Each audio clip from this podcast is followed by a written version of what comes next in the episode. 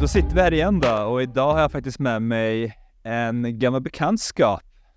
Mario, tja! God dagens Johan, eller god kväll kanske det God eftermiddag. God eftermiddag, det funkar jättebra. God eftermiddag. Ja. ja, hur är läget med dig då? Som en saga idag. Det är riktigt bra. Skönt. Lite kallt här i Göteborg, men utöver det så är det bra. Det är lite som en vintersaga, tänker jag.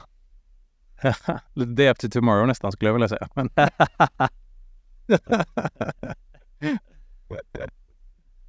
Minns du när jag sprang på dig för, hur länge så var det? Typ ett halvår sedan? Mm, I april faktiskt. Mitten av april tror jag det var. Det är väldigt kul för att eh, vi kommer säkert snacka om det, men Mario och jag hade ett samarbete förra året. Eh, han coachade mig lite.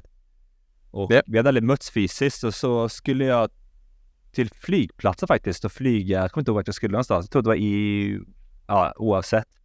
Så gick jag förbi ett litet café och så bara kollade jag snabbt in i fönstret och där sitter Mario. Och eh, jag tror väldigt mycket på så här synkroniciteter och det kändes väldigt synkronistiskt när vi möttes så det var kul att uh, stöta på dig.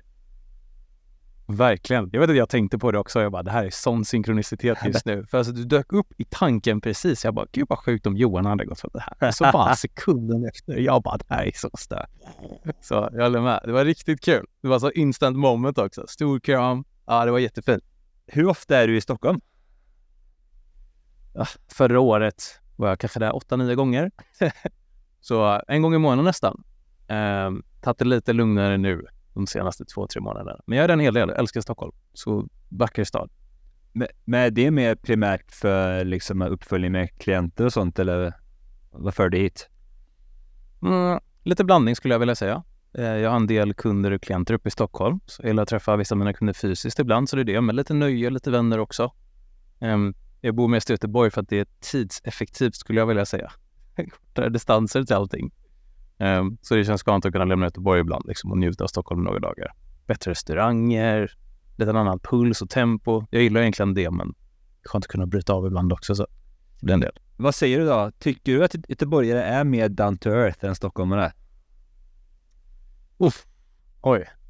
Kommer göteborgarna såga mig här, men... ja, jag skulle nog ändå vilja säga att göteborgarna är lite mer manjana och kanske har lite mer så spansk kultur, om man kan dra det så långt. Och Stockholm lite mer New York-tempo kanske. För de som har varit där. Det händer lite mer. Så så skulle jag vilja särskilja på det tror jag. Så alla som vill ha manjana ska då ta sig ja. till västkusten helt enkelt? Exakt. Äta lite räkmackor, ta det lite lugnt. Det är inte så, det är inte så stressigt där. Den största skillnaden märker man i de här rulltrapporna liksom göteborgarna bara står liksom. I Stockholm är det och död om man inte står till höger eller vänster. Alltså det där är natt och dag. Ja men det är mycket som ska göras här du. Det är långa distanser. Ja, det är ju det. ja men kul att du är här. Ja, så kul Johan. Jag tänker att det var, var en long time coming faktiskt. Jag har varit nyfiken. Jag, jag har lyssnat på ett eller två avsnitt här med dig i Mindfuck-podden. Äh, Mindfuck-podden. Mindfuck-podden, det kan, det kan vara rebranding på g Ja, mindfuck. ja men nej, det är bra tugg. Olika samtalsämnen, så jag gillar det verkligen. Nice, nice. Och den idén föddes ju, eller det hade ju kanske fötts innan, men den, jag tror att sået blev, eller fröet blev mer sått under våra samtal. Så till slut så tog jag mig i kragen och eh, satte igång. Så tack för den. Ja, så glad du gjorde. Men det tänker jag att det blir en liksom nice, eh, kanske en övergång till så här, vem är du och vad gör du Mario? Ja, absolut. Um, så kort om mig. Idag har jag jobbat med i stort sett att hjälpa. Eh, jag riktar in mig på entreprenörer och jobbar med dem och helt enkelt växa sig själva och sina företag. Och det gör jag då via mental och eh, strategisk eh, rådgivning. Um, ursäkta, kameran här dog bara. Um, så via mental och strategisk rådgivning. Så jag jobbar med lite medieprofiler, entreprenörer och det är liksom alla möjliga branscher tänkte jag säga. Allt från eh, hälsobranschen till IT-branschen till elektriker. Så, så länge det är en driven entreprenör så brukar vi webba bra ihop där och jobba därpå. Mm. Eh, och får man fråga varför just entreprenörer? Ja, det har tagit form nu, det senaste tiden faktiskt. Så i början för två år sedan så var det mer blandat. Eh, det var folk som ville starta igång och hitta sin grej lite mer. Sen har det bara blivit att företagare har dratt sig till mig. och då tänkte jag att det är, en, det är en naturlig övergång till att jobba med det. Plus att jag tycker det är kul. Jag själv har blivit jävligt fascinerad av det, liksom. just det strategiska med eh, företagare, hur man kan bygga upp saker. Så jag är ganska involverad i typ personligt varumärke, en stor del av vad jag gör, eftersom det är väldigt väl kopplat till det så mentala, emotionella eh, och hela den grejen. Så de vävs samman jäkligt snyggt. Liksom. Så där kan jag få utlopp för min eh, expertis liksom, som är inom psykologiska mer. Så det har naturlig övergång helt enkelt. Mm. Ja, för när vi jobbade ihop så då var det, kändes det att det var lite mer öppet. Det fanns ju en vinkel på det också såklart. Men det yeah, kändes också yeah. som att det var egentligen, ja, det fanns en öppning för de som var nyfikna på vad du höll på med och att den då vinkeln fanns med i det du pratar om. Ja, yeah. ja. Yeah. Men så blir det. Utveckling. Absolut. Naturligt, successivt, steg för steg, tror jag. Så det har blivit lite mer så, så att det dragit in mot den nischen. Och egentligen så här, hur hittar jag dig? Jo, men jag tror att, eh, jag, jag för mig att du dök upp i mitt eh, LinkedIn-flöde. Och eh, du hade lite videos där och det var ganska så här, ja men straight to the point. Det var, det var inte så mycket masserande egentligen, utan det var ganska, ja men det var öppet, rakt och utmanande. Och sen så kikade jag också på lite YouTube-videos och tyckte jag att det fanns, för då pratade du ganska mycket också om, eh, vad jag vill minnas, typ relationer, kärlek. Det fanns lite yeah. så gamla äldre videos på det. Ja. Yeah. så att eh, väldigt brett men också väldigt, eh, ja men, ska man säga, flexibelt och eh, det fanns mycket matnyttigt som fick mig att eh, känna att den här personen kan jag nog eh, viba med, snacka med och lära mig saker av. Så fint. Glad att du gjorde det. Ja. Det kan vara, jag, jag får ganska ofta det är ganska rak. Jag själv registrerar inte det alla gånger. Jag tänker att it is what it is. Men, fint att höra. Det är sån du är. och hur kommer man då in på mental och emotionell coaching? Oj, stor fråga tänkte jag säga. Um, lite som min utveckling nu har hänt liksom med nisch och vilka jag jobbar med så är det väl samma sak där. Um, hur jag ens kom in liksom, i personlig utvecklingsvärlden för min del började väl när jag var 19 redan. Så innan jag var 19 så var jag allt för att leva efter normen skulle jag vilja säga. för mig var det väldigt viktigt och jag hade ganska så här narrow mindset kan man väl säga. Så eh, jag friidrottade väldigt mycket liksom och väldigt mån att man skulle liksom ha det man ska enligt normen. Eh, gå ut och festa på, vän eller på helgerna, eh, vara med vännerna, kunna träna, plugga, jobba, liksom få upp allting typ. Och jag tror vid ett tillfälle så bara, jag var helt körd. Jag var liksom, mitt nervsystem var 100% utbränt vid ett lag. Jag kände mig helt jävla tom bara. Så jag gick verkligen in på Google och det här var jättejobbigt för mig då, kommer jag ihåg. Jag bara så här, what to do with my life? Och sen bara enter. Och, och så här, scrollade lite, läste lite artiklar och så hittade jag en liten pdf liksom. Eh, så kommer jag ihåg att Milk the Pigeon. Och det var så här liksom första självhjälpsguiden jag någonsin så här öppnat upp typ. Men eh, där stod det lite om mindset och den här personen som skrev den här eh, pdfen då skrev också på ett sätt eh, som var jävligt igenkännande liksom. Eh, och där öppnades så dörren in till personlig utveckling. Och sen så började det inom relationer. Det är därifrån min grund började. Så jag var nyfiken liksom på, okej okay, men vadå, måste man gå ut och supa om man vill träffa någon person? För det verkar väl alla andra gör, men måste det vara så, tänkte jag. Det måste finnas något sätt, typ. Eh, hur, hur, man är människa, quote on quote, tror jag att min fråga var liksom vid det tillfället. Och det ena ledde till det andra. Eh, började plocka upp mer böcker. Så här, det var om kroppen och sen gick det vidare till så här, motivation. Från motivation gick det vidare till sociologi. Från sociologi gick det till traumapsykologi. Från traumapsykologi och sen liksom bara har det raddats upp där under ja, tio plus år nu blir det. så, och, och det gemensamma nämnaren för alla saker jag läste då eh, som jag tycker är så himla viktigt är nog det mentala det är liksom det som styr allt annat. Så, så det var liksom, börjar du med mentala så kan du förbättra alla andra livsområden. För att det är liksom den gemensamma nämnaren. Så, så kom jag in på det.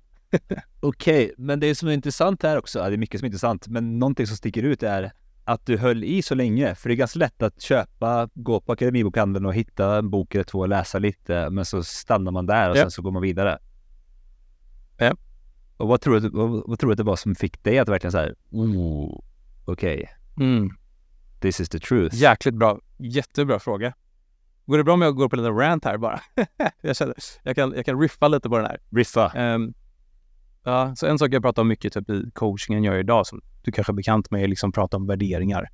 Och det som är mest viktigt för oss i våra liv kommer oftast från det vi har haft ett så här tomrum kring.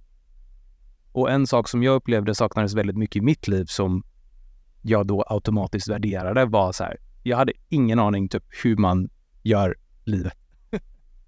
så här, jag brukade liksom fråga människor, ja, men hur gör man den här saken? Och så fick jag alltid så här, kassaråd typ. Jag bara, men det här funkar liksom en på fyra gånger. Det, det är liksom inte hållbart. Det är, det är ingen princip jag kan luta mig mot liksom. Och jag vet att någonstans 1920 så bara, men jag vill göra det till mitt mission att ta reda på det här och ge liksom mer universella principer som jag själv kan luta mig mot. Uh, och den hungern tror jag, um, och, och det tomrummet av att inte veta hur man gör, eller om jag inte vet hur jag navigerar mig själv liksom och kan sträva framåt i livet, gjorde så att jag fick den nyfikenheten att liksom bara söka vidare framåt där. Så, så det tror jag är en stor faktor för mig. Och sen plus att jag läste en bok som heter Curious av Ian Leslie som nog boostar på det där med att alltid hålla sig nyfiken och lärandes. Så, så det, det, tror jag var den liksom vinnande faktorn för mig. Det är intressant det här med tomrummet för att man hör ju det om man lyssnar på ja, Tim Ferriss eller Joe Rogan när, man, när det kommer vissa personer ja. som är verkligen hyperdrivna, att det oftast kommer från en så känsla av att man inte har någonting, att det saknas någonting. Och det är det som hela tiden ja. driver framåt. Ja. Tror du att den känslan... Verkligen. Jag, jag brukar gilla den. Tror du att den känslan någonsin försvinner hos folk? Eller är det det som hela tiden, tror du, liksom, det är en väldigt generell fråga. Mm. Men vart landar människor där? Ja, ja jag, jag tror så här. Alltså, på ett sätt kan den vara destruktiv för vissa liksom. Om man tar det så engelska ordet känna sig fulfilled, brukar jag säga. Alltså man, känner, man har fulfillment in life. Så jag ser det så här, feeling full. Det är vad som sker när vi springer efter det som saknas lite. Så det ser jag som en hälsosam, hälsosam approach till det. Um, och sen tror jag absolut, så här, om vi har haft en viss värdering och det kan jag själv så här tracka mig själv till den här sommaren faktiskt. Så jag har haft en jättehög värdering på liksom, kunskap kopplat till self-mastery och mänskligt beteende. Men någonstans i somras så kände jag mig mätt. I felt full. och den har liksom då börjat skiftas lite. Så jag tror absolut det finns vissa saker, låt säga så här, man upplever att man inte haft hälsan, så springer man efter det tills du typ har det. Du känner dig lite mätt på det. Men då tror jag så här också, nästa tomrum föds. Uh, och det upplever jag i alla fall, så här, hur jag ser på världen, att det är en väldigt naturlig del för att hjälpa oss att liksom utvecklas och växa som människor. Det är i alla fall min take. Vad, vad tänker du? Jag kan känna igen det där med att man kan bli mättad. Eh, fram till ett par veckor sedan så jag läste så många böcker. Jag var inne på ja, men, Nassim Taleb och det var mycket faktaböcker om mm. hur världen funkar, filosofi, alltså statistik. Det var liksom så här, bara förstå, förstå, förstå, förstå hur saker funkar. Och sen så hade jag en konversation med en person som och efter ett par samtal med han så blev jag ganska mättad på de böckerna. Ja, men lite så här kunskapsdelen som du pratade om. Så nu har jag börjat läsa Game of Thrones igen. Nu är jag liksom inne i den här sagovärlden och orkar inte, inte riktigt ta upp en faktabok. Jag kommer göra det igen, men just nu känner jag mig bara väldigt mätt på det. Ja. Yeah. Feeling full.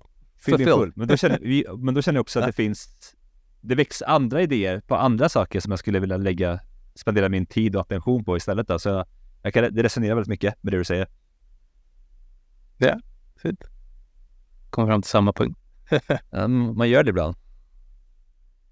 Okej. Okay. Hmm. Det mentala, det är det som styr. Vad, vad känner du när jag säger så? Jag har ju börjat förstå mer och mer hur mina tankar har format och formar mig konstant. Mm. För jag har blivit mycket mer så här. Jag har fått mycket mer kontakt med min kropp och jag kan känna min kropp mycket mer nu. Så här, ja, men bra känslor, dåliga känslor. Eh, men jag förstår, jag märker också att när, om jag, har en ångestladdad känsla Mm. och så vilar inte den, då kan, jag, då kan jag börja se att det är ofta så tankar som surrar runt det också, berättelser, stories, någonting som är över och surrar runt de känslan. Och jag, tror, och jag, jag har inte sett det förut. Det här, är, det här är ganska nytt för mig, så jag ska inte säga att det här är någonting som en, en klar sanning, men det känns som någonting som jag börjat se mer och mer.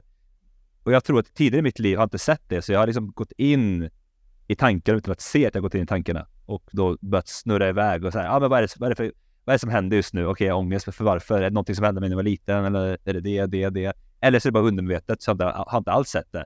Så bara, ah, jag har ångest, åh oh, gud vad jobbigt. Så, så att jag, jag kan se det mentala, men för mig känns det väldigt mycket kopplat till just tankarna. Fattar, fattar. Det låter som att du har fått det lite mer visuellt typ. Det, det låter som att du får en bild av det. Det blir, ja det har blivit mer visuellt. Jag tror att det har kommit, Hä? det känns som att det har kommit, ju mer närvarande jag blir, ju mer blir det visuellt för mig. Coolt, häftigt. Vad tänker du runt det? Eh, kring ångest eller? Nej men det mentala, alltså vad växer i dig när jag pratar, antingen om det jag pratar om nu eller bara allmänt? Aha. Ja. Yeah. Um, en ganska intressant sak. Jag har... Du vet, jag brukar prata om att alltså alla människor ser ju saker i bilder oftast. En, en stor majoritet i alla fall. Men jag ser jävligt pixligt om jag ska vara ärlig. Mm. Mestadels av tiden. Eh, jag har få bilder och de är kristallklara. Men resten är så här, du vet, när någon säger du vet, något ord så tänker jag inte på en rosa elefant. Det, är liksom, det kommer upp mer ord för mig. Den här bilden liksom poppar inte upp i så här high definition om man säger så. Ehm, men eh, när det kommer till metaller rent generellt sett, alltså jag menar betydelsen det har för mig är ju givetvis ett enorm för att det, det är någonting jag jobbar med på daglig basis. Ehm, en, en sak jag gillar som är från en, eh, det finns en bok som heter The Kybalion, har du läst den? Nej. Uh, the Three Initiates, det är gamla hermetiska principer. Um, jag tycker man ska ta den ordagrant, men, men det finns många bra principer i det som är så här, passar in i psykologi idag tycker jag i alla fall. Och en av de första principerna är så här, the world is mental. Eller, och det är liksom att allting genomsyrar det. Liksom det vi, vi är liksom skapande här uppe. Så vår hjärna liksom tar in idéer och sänder ut tankar. Och, och det på något sätt är ju hur vi quote on quote manifesterar, det är så vi skapar. Det är också det som påverkar hur vi känner och tar action på saker, hur vi bondar med andra. Och för, för mig är det A och O i allting. Så det känns så dumt att inte lägga ner tid på att typ bemästra det. När det styr så mycket i våra liv. Så med det du säger nu så, det mentala, om vi säger att det mentala är på toppen, så har det som ett paraply, så har du egentligen väldigt många olika saker under det mentala. Då. Ja, så sättet jag ser det på är så sju livsområden. Mm. Så eh, man tar liksom som en kona och en cirkel kan man måla upp det som. Eh, så du har mentalt, du har spirituellt, du har eh, finansiellt, du har business, du har relationer, ehm, karriär. Det, det liksom, vissa har sju punkter, nio, åtta. Så här, livshjulet kan man väl helt enkelt kalla det. Um, men det mentala ser jag som den största, obviously lite biased här, för att jag också jobbar med det, misstänksam. Men, men den ser jag har störst påverkan när det kommer till det finansiella till exempel. Så låt säga att vi har eh, svårt att tjäna pengar. Ja, men då kanske det är för att det ligger skuldkänslor där som skaver. Eller att vi inte har ett money mindset till det. Eh, eller att vi är rädda för att ta action. Eller till exempel en annan vanlig sak när det kommer till pengar är att man är väldigt så här, känslomässigt volatil. Och kollar man då på typ börsmarknaden liksom, till exempel så är det oftast de som är volatila som förlorar pengar. Right? Man kan vinna också, men förr eller senare tenderar folk att förlora dem tillbaka. Det är oftast de som är långsamt, stabilt växande pengarna som faktiskt tjänar pengar, till exempel. Svara indexfonder och så vidare. Um, när det kommer till relationer, samma sak där, så är det kopplat till det mentala, emotionella. Um, jag är inte ett jättestort fan av anknytningsteori, men en komponent där till exempel för att göra det tillbart till de som lyssnar. Um, um, om vi blir triggade av våra partnerrelationer eller vilka partners vi attraherar in och hur vi för oss och försvarsmekanismer. Så det påverkar alla våra relationer, både med familj, vänner, intima, syskonen liksom. Um, till och med businesspartners där, det är ju som ett giftermål. Och för att den kommunikationen ska funka så bottnar det också i det mentala först och främst. Like, hur, hur ser du på det? Hur reagerar du när känslorna dyker upp? Ska jag fortsätta koppla vidare där? Om du vill. Spinn på. Ja. Så då har vi mentala som också kopplar till hälsan. Right? Hur är din approach till din hälsa? Det vill säga typ stress och sånt där. Um, eller om man har problem med maten eller problem med att ta sig till gymmet, motivationen där. Um, så ja, det är lite så jag ser på det, att allting börjar där alla fall. Och sen är det absolut en kombination av att lära sig typ färdigheter, skills. Så mentalt plus färdigheter, lite så ser jag världen. Mm. Om vi tar ett exempel då. Vi har sett vi har en person här som konstant stör sig på sina djupa relationer. Det kan vara partners, affärspartners, ja, kompisar. Hur skulle du då börja approacha en sån liksom, konversation? Du behöver inte göra helt coaching, men bara liksom en idé. Ja, så det första jag hade gjort där, det är så här, okej, okay, du är obviously emotionellt laddad brukar jag säga. Och man kan ha laddningar åt två håll. Man kan ha en positiv laddning eller en negativ laddning. Så en positiv laddning är till exempel man ser upp till någon, har dem på piedestal eller har en crush eller förälskelse. Um, lite stolt över dem också. Eh, eller ska man ha negativ laddning, vilket kan vara typ förakt, bitterhet, eh, en rädsla, rädd för en person. Liksom. Så det första jag velat göra då, i det här fallet var det negativt I guess. Japp. Yep. Där hade jag tagit reda på vad specifikt är det du ogillar, hatar, avskyr med den här personen? Oftast brukar det vara kopplat till tre saker, om du frågar mig. Det är en egenskap eller karaktärsdrag, en handling eller icke-handling.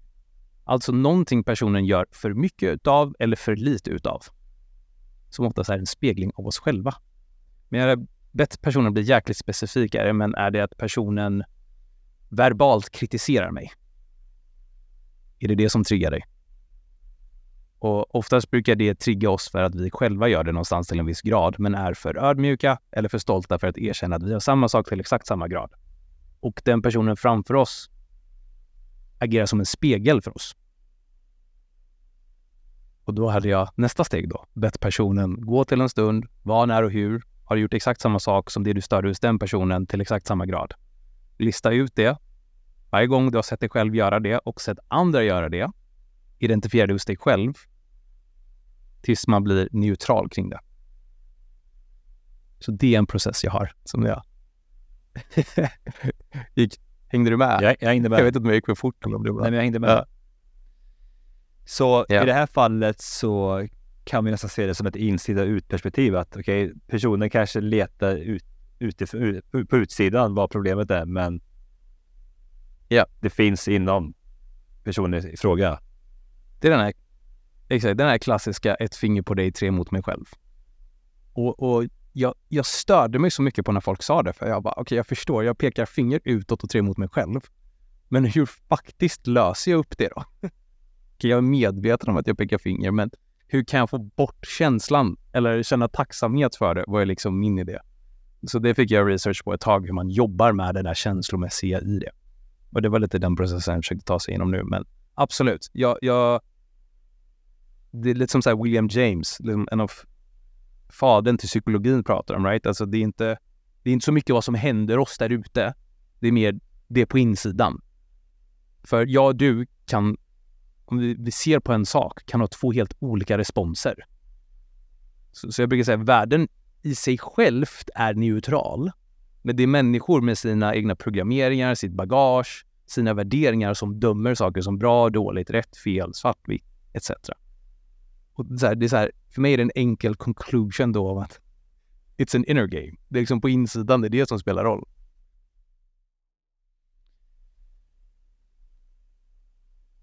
Det jag har börjat inse när, jag, alltså när, man, när det kommer till liksom personlig utveckling och allting, att det finns egentligen hur mycket som helst att gräva i. Äh? Att man, det aldrig finns ett slut. Och då tänker jag att min fråga till dig är, finns det ett slut? Om, vi, om jag får fortsätta här lite och riffa då, men definiera slut. men finns det någonstans en plats där en människa kan acceptera att den har, säg, mm. negativa tankar, känslor etc. Och att det kanske inte alltid går att få en förklaring för allting som man skulle önska. Alla triggers, alla responser, tankar. Mm. Jättebra fråga. Um, det jag tror, och så här, av allting jag har pluggat, studerat och lärt mig om, så nej. Utan om, om vi inte har triggers, om vi inte har de här, om vi inte har friktion, om vi inte har support och utmaning, eh, fred, krig, build and destroy, kataboliskt, anaboliskt, oxiderande, acid. Liksom om vi inte har kontraster av någonting så växer vi liksom inte. Um, och, och jag tror någonstans på att vi behöver det för att utvecklas vidare här, mänsklig evolution liksom. Um, så nej, det är nog ett infinite game, ser jag det som. um, trots att vi inte har överdrivet mycket tid så tror jag det liksom hjälper om man zoomar ut liksom och tänker inte bara mig, Mario, som människa som sitter här nu, utan um, jorden i sin helhet liksom. Man, man pratar ju om att man ska, liksom att ta Elon Musk så här, vi ska till Mars, liksom space travel börjar bli en grej. Um, jag tycker man måste zooma ut för att se en större bild kring när det kommer till evolution och vilken så här, del alla människor har inom det. Så det är min take på det. Vad tror du? Jag tror att vi alltid kommer, jag tror att de flesta människorna, jag inkluderat, alltid kommer ha negativa tankar, känslor om sig själv och människor. Och det betyder, det betyder kanske alltid att man behöver tro på det, men att det alltid kommer finnas laddningar som triggar och sen så blir man glad och sen så går det upp och ner. Men att det går att hitta en... Jag tror att det mm. går att öka sin baseline och sin förståelse och sitt medvetande så att det blir, livet blir mer barmhärtigt och bättre. Det är jag väldigt optimistisk till, just mm. den tron då. Mm. Men att man kan radera ut allt som är negativt? Nej, nej, nej, absolut inte. Det tror jag verkligen inte. Nej. Samma. Jag, jag ser det, om jag får bara så lägga till min spin på det. Så jag håller helt med dig att man inte kan radera någonting, men jag tror som du säger att man blir bättre på det typ. Alltså du blir bättre på att hantera det. Och, och kan då liksom uppskatta livet mer. Eller typ, jag definierar det mer som typ tacksamhet och kärlek. Så om jag får en negativ respons på någonting och kan jobba igenom det själv så brukar jag komma till ett stadie, när jag säger neutral så menar jag inte så här likgiltig, inga känslor, det är inte det jag snackar om, utan mer typ en tacksamhet. Och i, i, samma sekund som den tacksamheten jag får, liksom jag har lärt mig lärdomen eller jag har lärt mig läxan från den här interaktionen, den här jobbiga saken, då blir jag promotad med nästa nivå. Eh, jag kallar det för kvanthopp liksom. Det är lite så typ kvantfysik fungerar om man tänker, right? Så här, okej, okay, nu får du nästa illusion med nästa utmaning och sen löser du den. Och i takt med att du löser fler och fler, liksom ju lättare blir du. Kroppen kan man väl säga mer visare, mer medveten som du sa precis. Så ett, min lilla riff på den. Jag gillar kvanthoppet, det är en uh, nice analogi för att Ja, jag gillar den. För det är ju verkligen så tror jag att när man, som du säger, när man löser ut, man ser någonting, man löser en utmaning och, och tar liksom det här kvanthoppet. Nästa gång samma sak händer så är det inte alls säkert att responsen blir densamma, utan det kan vara mycket enklare Exakt. att bara liksom hantera det.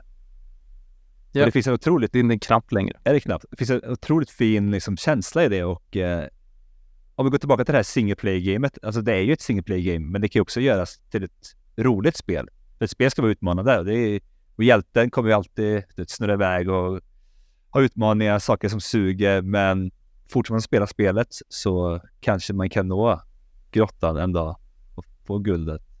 Eller inte. Eller så är det bara processen dit som är det viktiga. Vad vet jag? Ja, det är det jag tänker själv. Alltså för mig är guldet liksom, det är resan, ja. det är att få spela spelet. Uh, Kul. Någonting, det slog med när du sa det. Nej, jag glömde bort. Ja, det var något. Jag kan komma ihåg det sen. Det växer någonting i mig nu. Mm. Hur mycket tror du att trauman och tidigare händelser spelar in för oss människor? hur vi liksom, ja, hur vi går runt och hur vi agerar och känner och tänker. Mm. Min syn på det är en, en, en, en bra hel del. Eh, inte bara, skulle jag vilja säga, inte bara. Eh, finns typ så här, genetik spelar roll, miljö, arv, eh, trauma. Tror de är relativt säkra på att det ärver trauma också från tidigare generationer. Liksom. Eh, så det är klart det spelar roll. Det är någonting jag jobbar med i att liksom lösa upp gammalt bagage eller gamla laddningar. Sen är min syn på trauma lite annorlunda än vad typ så här, vanlig traumapsykologi är på idag, skulle jag vilja säga. Um, ibland kan jag se det på, det är inte så för att rättfärdiga någonting, men liksom att vårt minne är inte helt pålitligt alla gånger. Och vissa trauman i våra liv är liksom väldigt så här, Det är som att vi har en subjective bias brukar jag säga. Så vi är medveten om det negativa i stunden men omedveten om det positiva som händer med det där och då. Right? Så, och jag gör det här hela tiden med mina kunder. Jag kan gå in där i en stund, det du uppfattar trauma, lösa upp det och vara en stund som du är tacksam för istället. Och inte sån här, ska man säga, eh, övergreppstacksamhet. Att du, du ska säga tack för att det där hände dig. Nej, nej, nej, utan det är liksom ett tillstånd där du it is what it is. För det kunde inte ha hänt på ett annat sätt än sättet det hände på. Liksom. Och när man gör det då så, så hindrar inte den framåt. Liksom. Så sakerna i vårt förflutna tenderar liksom att bli um, rädslor i framtiden. Så om det är någonting jag varit asbitter för som har hänt, typ min mormor gjorde så här för mig och nu är jag rädd att det ska hända igen. Eller den här jävla hunden bet mig, jag hatar hundar och nu kan jag inte vara i närheten av hundar. Det där är ju saker som begränsar oss. Um, så det tror jag absolut har en stor påverkan.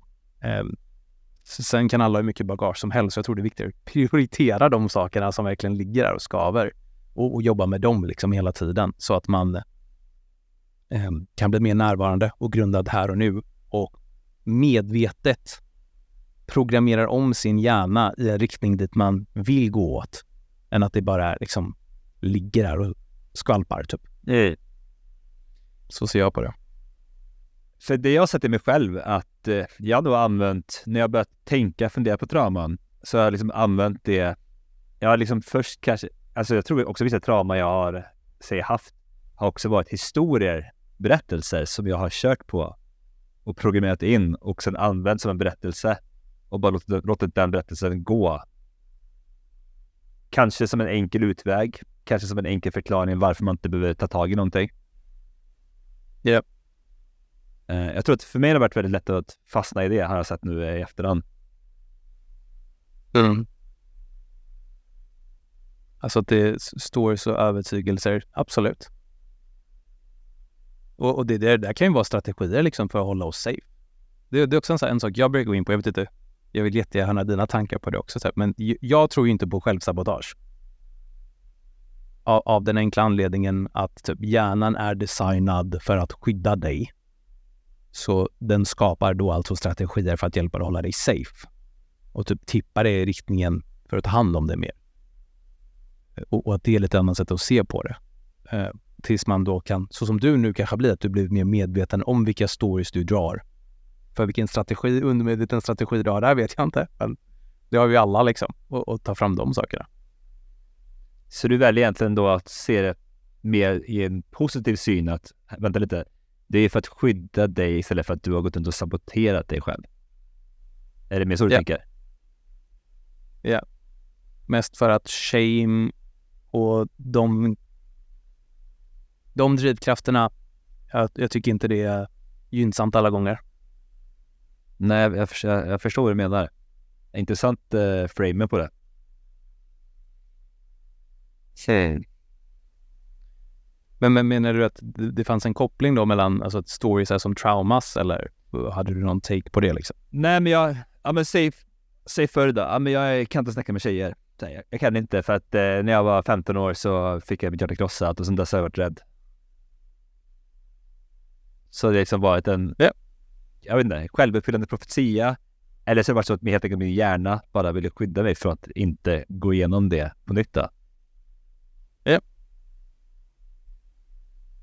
Ja. minitrauma, det har jag också haft. Ja, jo, jag, tror, jag, jag, tror att många människor känner igen sig i det där alltså. det, är, det är inget unikt. Det är bara, det är bara, bara någonting som kom till mig. Exakt. Trauma med ett mini-T. Men ändå, ändå, det kan vara känt skitstort för en själv också. Det är det som är så roligt med det. det är så här, define it. Define trauma. Det är liksom så här, vilket, vilken frame har du satt i också dessutom? Det är så, här, det är så abstrakt arbiträrt när man dyker in i de frågorna. Ja men verkligen. Och sen, men sen också så här att skam är intressant för att det är ju så enkelt att känna skam för saker. Men jag tror att det verkar mm. som att vi skammar oss själva extremt mycket för allt möjligt. Ah, jag borde sparat mer pengar, jag borde börjat investera när jag var... Borde gjort det, borde gjort det, borde gjort det. Och det känns som att det där är någonting, en känsla som ligger och pyr väldigt ofta. Och jag har fått eh, återberättat av väldigt många människor att liksom skam är en, en, känns som en ganska central del i vissa människors liv. Ja. Det är en tung, framförallt tung. Den hindrar så mycket liksom. Verkligen. Men det är också så här, så, så intressanta.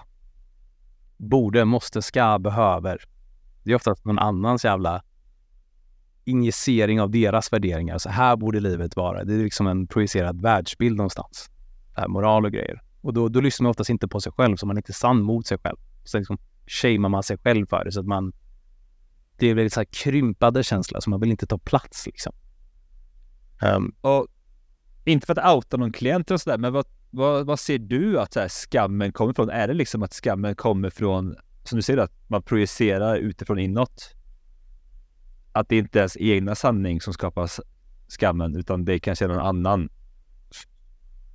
Så jag brukar använda lite skuld och skam tillsammans, även om det är distinkt skillnad på dem. Men skuld och skam är oftast när vi upplever att vi har gjort någonting negativt mot någon annan som har varit mer negativt än positivt, mer nackdelar än fördelar. Liksom, och man är medveten om det.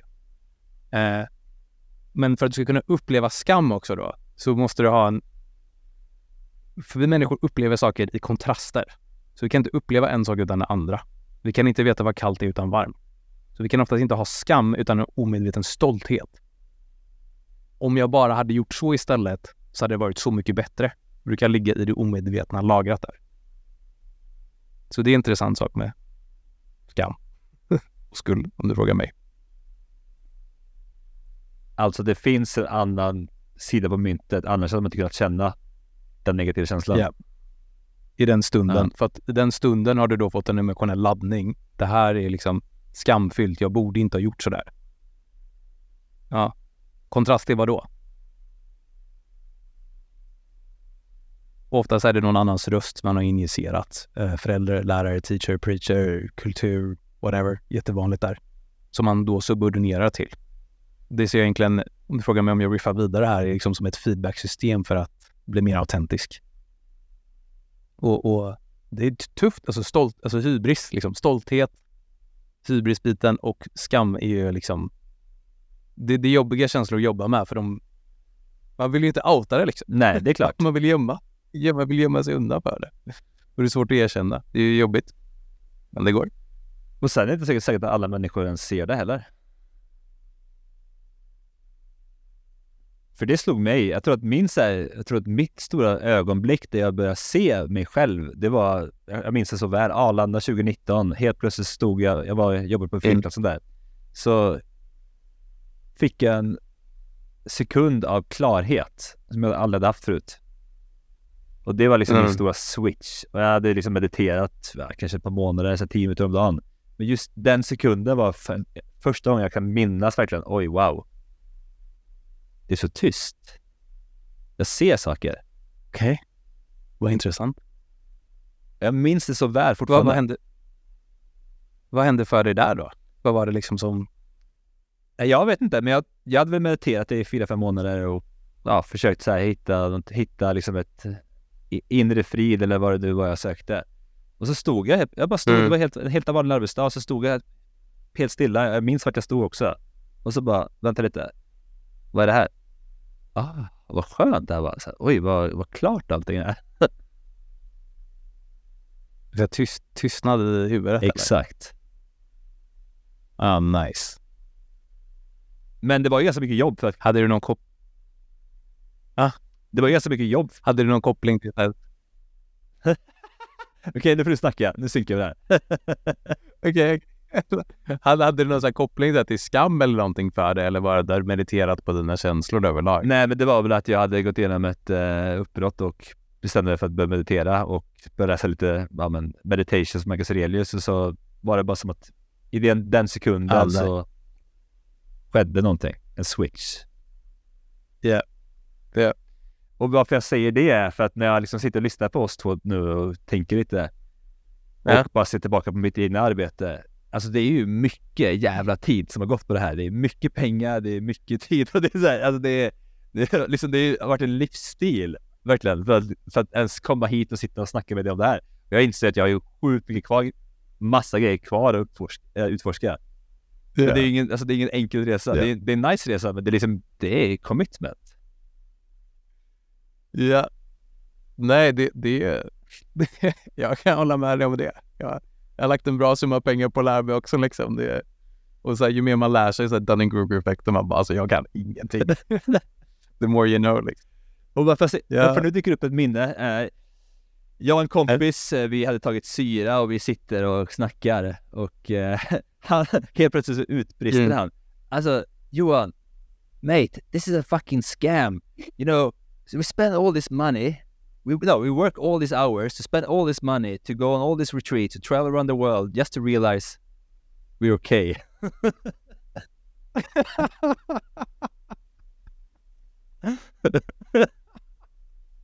ja, där.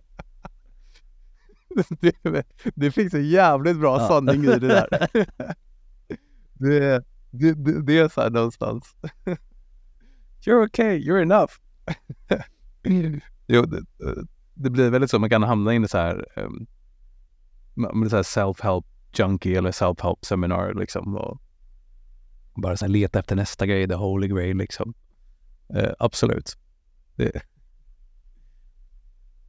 bottnar så oftast man vill bli så sedd, hörd, lyssnad på, älskad för den man är, uppskattad för båda sina sidor liksom. Det är också det någonstans essensen jag har hittat i. Um, sen har jag kanske inte spenderat så mycket på självhjälps självhjälp, utan jag ser det mer som så här, självinsikt. Right? Det är inte självförbättring, det är inte självhjälp, det är så här, inse mer det handlar om, om du frågar mig. Och jag har pusslat upp vidare på att typ läsa mer specifikt om olika ämnen istället, mer än liksom så här, jobba på de aspekterna. Det är sjukt bra. The scab. Nej, men jag, jag, antar också att det är så man föds som ett barn och sen går man igenom livet och sen så fylls man upp med saker och sen så kanske ändå känner man oj då. Vem är jag nu?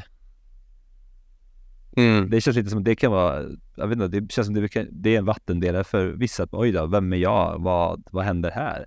Det är, som, det är något, som att någonting väcks. Ja. Att, okej, okay, jag är inte bra nog. Jag måste börja leta. Ja. Men vi är ju bra nog. Med. Jag vet. På något sätt, vi är ju ändå bra nog. Ja. Fast ändå så kanske vi inte har förståelse, insikten om att vi är bra nog och det kanske tar tid att komma Men... till den. Vad, ja. tänker, vad tänker du när jag säger det? Men det är så också intressant. Ja. För, för, för det katapultar oss också till tillväxt. Right? Så här, painen av någonting, smärta av någonting gör så att vi vill växa och sträva efter framåt och mer. Liksom. Och jag vet inte om det här var en legit studie eller om det var mer en observation liksom, men de säger i den här grejen då så sa de att det är 15 procent av alla människor som har typ förmåga att kunna göra introspektion. Alltså att kunna se inåt på riktigt liksom. Så det verkar också att det, det är inte en majoritet som gör det, men en minoritet som tar sig tiden till att göra den här resan då. Och sen kanske sitter i poddar precis som jag och du gör nu och sprider vidare den kunskapen för att bjuda in andra till det. Och det är liksom så här, this is your path son, go for it. Um, så tror jag ser det lite sådär också. Um, att det finns något syfte i det. En meningsfull i ens resa, att man själv gick igenom vissa saker och man kanske har mer känslighet till människor, right? Du är mer, uh, jag gillar inte ordet, men så här mer empath, right? Du kan, du kan se andra liksom om de ljuger liksom framför dig lite mer, um, mer inkännande liksom. Och det är en jävla styrka att ha. Vi behöver de människorna också. Och det kanske deras resa ser liksom. På den här vägen där de behöver gå på alla de här seminarierna och inse att you're good enough. och sen har de lärt sig en massa skills för att kunna hjälpa andra med det också då. Ja, det kanske är så att det finns vissa outliers. eller ja, 15 procent Mm. av befolkningen som, som helt enkelt är kallade till att gå den vägen. Potentiellt. Jag, jag har inget svar där, men har du någon annan take på det? Jag tror inte alla behöver göra det jobbet jag har lagt ner. Det tror jag verkligen inte. Eh, Men att eh, folk, gemene man skulle må bra av att, ja men kanske om vi nu ska säga, ta använda ordet självmedvetenhet. Det är ju, tror jag säkerligen. För man går, det är som det är, framförallt när man lever i ett samhälle som vi lever i, där det är, liksom, ja, men det är hektiskt och det är mycket stimulans. Det är lätt att tappa sin kärna liksom. Ja. Så tror jag absolut kan vara nyttigt Ja, absolut. att ta en liten resa. Om, om, det är en inbjudan om man så önskar.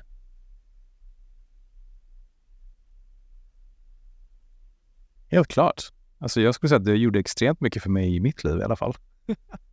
alltså jag hade inte varit någonstans i närheten utan att ens insett så här självmedvetenhet. Jag var super narrow-minded innan 18. Det var liksom så här tunnelseende. Och så här, friidrott, den här saken, den här saken. Såg ingenting annat. Kan du inte ens tänka mig på det.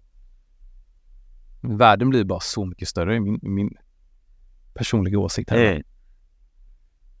Känner du det för dig också, att du har hjälpt till på de Ja, fronterna? men du nämnde förut att eh, ja, man ska inte alltid lita på minnen. Att de, eh, de, man kan ju också efterkonstruera och eh, Ja. eh, minnen etc. Men när jag ser tillbaka på hur jag var, bara för, alltså bara för några år sedan. Ta en konversation för exempel, om du hade snackat nu. Då hade jag suttit och tänkt Mm. på vad jag skulle svara härnäst och inte lyssnat. Jag hade liksom suttit och surrat. Vad ska jag svara härnäst och vad kommer låta bra liksom? och inte, inte riktigt lyssnat på Ja. vad du har sagt. Eh, var mycket mera emotionellt reaktiv, tog upp saker mycket mer personligt, Mm. trodde alltid på allting som dök upp. Om jag hade en konversation med någon jag fick en dålig känsla, men att jag fick en liten, liten trigger. Jag trodde alltid att det var någonting fel på mig eller på den personen. Jag kunde liksom aldrig la- landa i att ah, men nu, ibland så kanske bara en sån känsla dyker upp och det be- betyder så mycket. Eh, Mm. ja, men medita- meditation, sånt där har fått mig att se världen klarare. Alltså jag ser, jag tycker mig se Mm. nyanser, färger mycket tydligare. Uppskattar egentligen livet mycket mera. För, för, Ja. för mig har det varit extremt givande. Det är lite den här tacksamhetsgrejen jag pratade om lite innan. Right? Man så här, uppskattar livet lite mer och ser det. Och man får mer connection också tycker jag. Right? Men man kan vara här och liksom i stunden med personen framför sig. Det är fint. Ja, det är extremt fint verkligen. Eh, Nu ska vi gå in på någonting som jag, som jag är lite nyfiken på. Det här är jättegenerellt, eh, jag förstår det också, men låt oss testa och se vad, som, vad vi landar i. Vad skulle du säga att de Sure. vanligaste fallgroparna är i, i mentalt, i det mentala hos folk? Jag vet att det är en bred fråga, men vi kan ju bara riffa lite och se, Mm. vad, se om det dyker upp någonting. Eh, jag har några. Man eh, lever inte efter sina värderingar. Alltså vad ens liv demonstrerar. Fallgrop 1. Du försöker springa efter liv du tror att du ska ha istället för den du vill ha. Eller den som ditt liv demonstrerar, right? Så jag vet att du har fått göra den här övningen med mig, men om jag kollar på vad du har i ditt space, vad du lägger din tid på, vad du lägger energi på, vad du spenderar pengar på, vad som inspirerar dig, vad du tänker på, vad du visualiserar om, vad du affirmerar, vad du läser om, right? Om jag bara har en drönare 24 timmar om dygnet på ditt liv så kommer ditt liv visa för mig, eller för dig själv, vad som faktiskt är viktigt. Men problemet är att vi dömer oss själva för vad det är. Det är, som, det, det är största missen number one. För Du, du kan tjäna pengar på att öppna liksom eh, så här leksaker. Det finns folk som gör det. Eller det finns folk som typ tjänar pengar på att de älskar att nätverka. Ja, men, kan skapa en nätverksevent och ge sig själv inte tillåtelse till att liksom följa efter det de verkligen vill göra. Utan de tänker, men jag måste bli rik. Ja, men nej, det är inte dina värderingar. Dina värderingar du kanske värderar dina kids. Dina värderingar, du vill bli en bra morsa. Ja, men du säger att, ja men då kan jag inte bli rik. Jo, skriv en blogg om det. Right? Alltså du jobbar med det som är allra viktigast för dig. Så det är den största fallgruppen ser jag. Eh, fallgrupp nummer två. Självmedvetenhet. Så det är en del av det också. Men att inte förstå sin inre värld, sina känslor. Och, och, och för, eller frågan var största fallgroparna till mentala, stämmer? Yes. Ja, exakt. Ja, in, inte förstå sin inre värld. Alltså där är ju någonting jag, hör många inom personutveckling säga det, men vi behöver fan lära oss det här i skolan alltså. Vi behöver någon som drillar oss i så här, hur fungerar vårt psyke typ? Okej, okay, det här är känslor. Så här tar du självdistans. Det här är basics i meditation. Liksom. Skilj på dig och dina tankar, kunna notera saker. Basics i, i det liksom. Um, det här är när du är glad, det här är ledsen, det här är att du har en fantasi, det här är skuldkänslor, skam. Jag tror det hade gjort så mycket för människor. Um, så en stor fallgrop är att vi inte lär oss det och navigerar oss genom det. Om jag pratar generellt och lite basic nu. De två största. Mm. Jag minns den övningen. Ja, ja. Yep. Och yep. jag skulle säga att den landar ännu hårdare nu. När du berättar igen. Det här att man har en idé om, du, du pratar om drömmar, det, det är en dröm, var inte det du sa? Jag, jag brukar skilja på, ja det här är fallgrop nummer tre då. Man har fantasier istället för visioner. Så en fantasi är, åh, jag drömmer om att bli eh, multimiljonär och jag kommer inte behöva jobba för det och det kommer vara här, gröna skogar, det kommer bara vara positivt. Du är bara medveten om fördelarna med det. Så här, det är orealistiskt liksom. It's not fucking true. Du får aldrig en support utan utmaning. Du får aldrig liksom en pain utan pleasure. Det är omöjligt. It's not, it's not real. Så en vision är mer grundat i det här är vad jag vill att springa efter. Så här, dröm stort. Och jag vet att det kommer vara tufft, utmanande, det kommer komma med de här sakerna, att ha en plan för det. Um, för då blir det objektivt och när du är objektiv och förstår vad du behöver göra, du har en plan på det, då kan du faktiskt ta steg framåt mot det och då blir det verkligt. Um, men fantasier gör att vi får, vi får rädslor, vi blir rädda då. Right? Så jag har fantasi om jag ska gå eh, lyckas, jag ska verkligen lyckas med det här företaget och det kommer gå spisrak och alla kommer älska det. Då kommer du ha rädslan för vad som händer om det går snett. Du misslyckas, vad folk kommer tycka och tänka liksom. Så jag gillar att försöka minimera det och grunda det. Men sen också den här värderingsprocessen som jag pratar om. Alltså det där, du, du behöver banka in det så här var tredje, var sjätte månad och liksom reflektera hela tiden för dig. Det blir så här lager du måste skala av och eh, rädslor som kanske dyker upp. Så det är lite av en process. Det tog i alla fall ett och ett halvt år för mig själv. Men jag var, jag var slow. Den där värderingsprocessen, vad var det den hette nu igen? Um, så uh, en av mina mentorer som jag lärt mig från, um, John DeMartini, han har en value determination på sin hemsida. Uh, som är gratis, fri. Uh, när man gör det med mig nu idag så har jag en mycket mer avancerad process gällande den där jag förklarar lite mer utförligt och går igenom steg för steg. Det finns lite andra saker, men det är jättebra att komma igång för personen som vill testa. Eh, så kan man ta sig igenom den. Nej, men som vanligt så... Få en liten introduktion till det. Snyggt. Som vanligt så kommer jag länka den i eh, beskrivningen. Ja. Det är intressant det där att, för det blir... Det, jag har den annars i... Vad sa du? Ja. Nej, nej, kör du. Eh, nu väcktes en känsla på den där första punkten om värderingar. Igen skam, eller hur? Att jag borde mm. läsa om mm. eh, aktier. Men jo, men det är inte det du läser om eller kollar på. Du kollar på någonting, någonting helt annat. Ja. Där kan jag känna, där kan jag känna igen mig väldigt mycket. Ja. ja.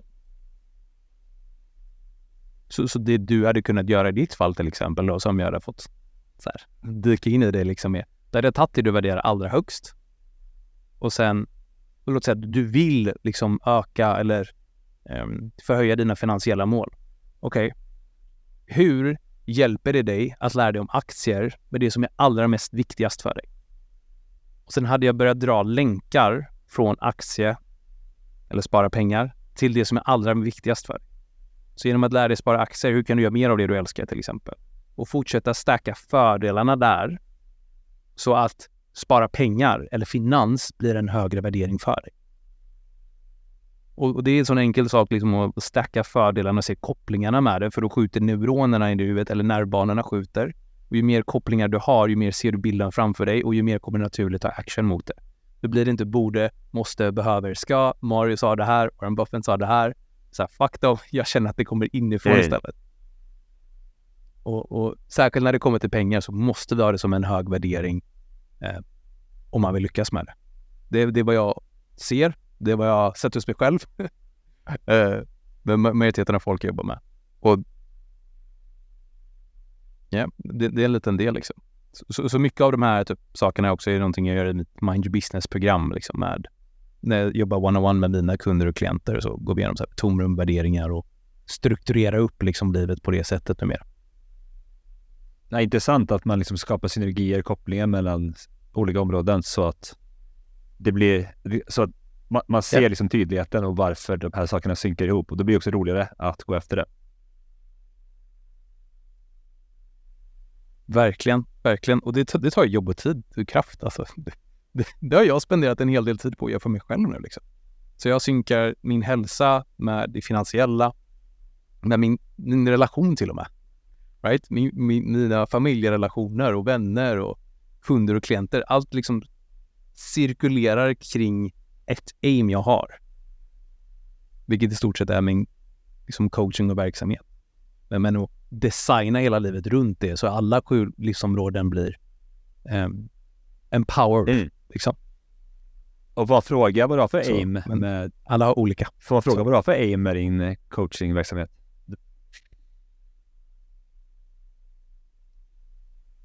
Absolut. Um, så i, tills, fram tills i somras där har det blivit lite förändringar. Mm, men där hade jag liksom en, en dröm om en liksom akademi. Mm. Ehm, för mig vet jag inget bättre än att hjälpa drivna personer som vill skapa någonting mer än sig själva. Mm. Och jag vet själv att jag, jag själv var väldigt driven som ung, men jag hade inte resurserna eller hjälpen eller expertisen som jag behövde för mig själv. Liksom. Så jag är talang inom många områden, men det var sällan jag fick resurserna eller hade resurserna till det. Då hade jag inte kapacitet till att skaffa det själv och eh, såg inte att det fanns på det sättet. Så det är någonting jag vill vara för andra på en väldigt, väldigt hög nivå. Men också starten. Så bli, bli en grym rådgivare på det sättet när det kommer både till entreprenörskap men längre fram sen när jag har lastat på mig lite mer proof för livet generellt sett också. Som sagt, det är ett uh, play the long game, är det inte så? Long game, long game for sure. Sakta, säkert, steg för steg. Är det någonting som så här, känns levande på dig att dela med sig och ta upp så här på slutet?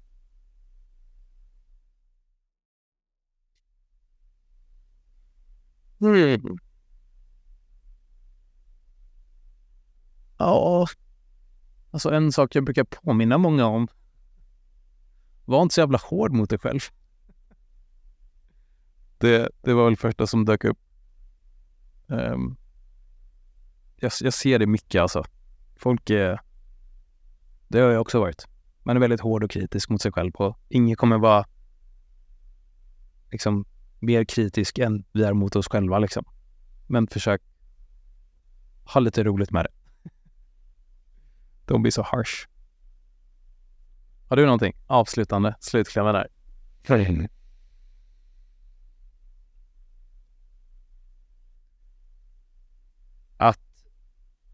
Vi har snackat en del om det här också givetvis under vårt samarbete, men under de här 58 minuterna så landar det mycket bättre. Det känns som att jag är mycket mm. mer mottaglig för det idag än vad jag var då. Men det, jag är väldigt mm. tacksam för att jag gjorde det med dig då också, för det liksom sådde frön och det var en del av resan. Men jag kan se tillbaka nu att yeah. jag inte var så mottaglig, men nu vi sitter och pratar så känner jag bara att massa går in bara oh, oh det här, okay, this is good shit man. Fan vad häftigt. Shit. Jag brukar säga det, det där är 50 procent av mitt jobb. Så här, jag planterar frön så här, om tre år. Det, det har hänt. Jag hade en person för fyra år sedan som kom tillbaka också bara nu. Jag bara nice. Så det, jag, har också upplevt det själv, givetvis. Så det, det, jag förstår känslan. Det är så jävla härligt när det liksom träffar. Så fan vad fint Johan. Vilken, vilken bra att det började liksom när du gjorde det där och sen sitter vi här idag liksom. Jag är jättetacksam att du kom och eh, du är grym Mario. Du ska veta det. Tack så mycket Johan. Tack för att jag fick komma idag. Jättekul att få vara med idag. Tack själv. Då tänker jag att vi wrappar upp eh, så hörs vi. Yes! Glöm inte att subscriba till Mindfuck-podden också. Tack för shoutouten. Shoutout. Ha det bra.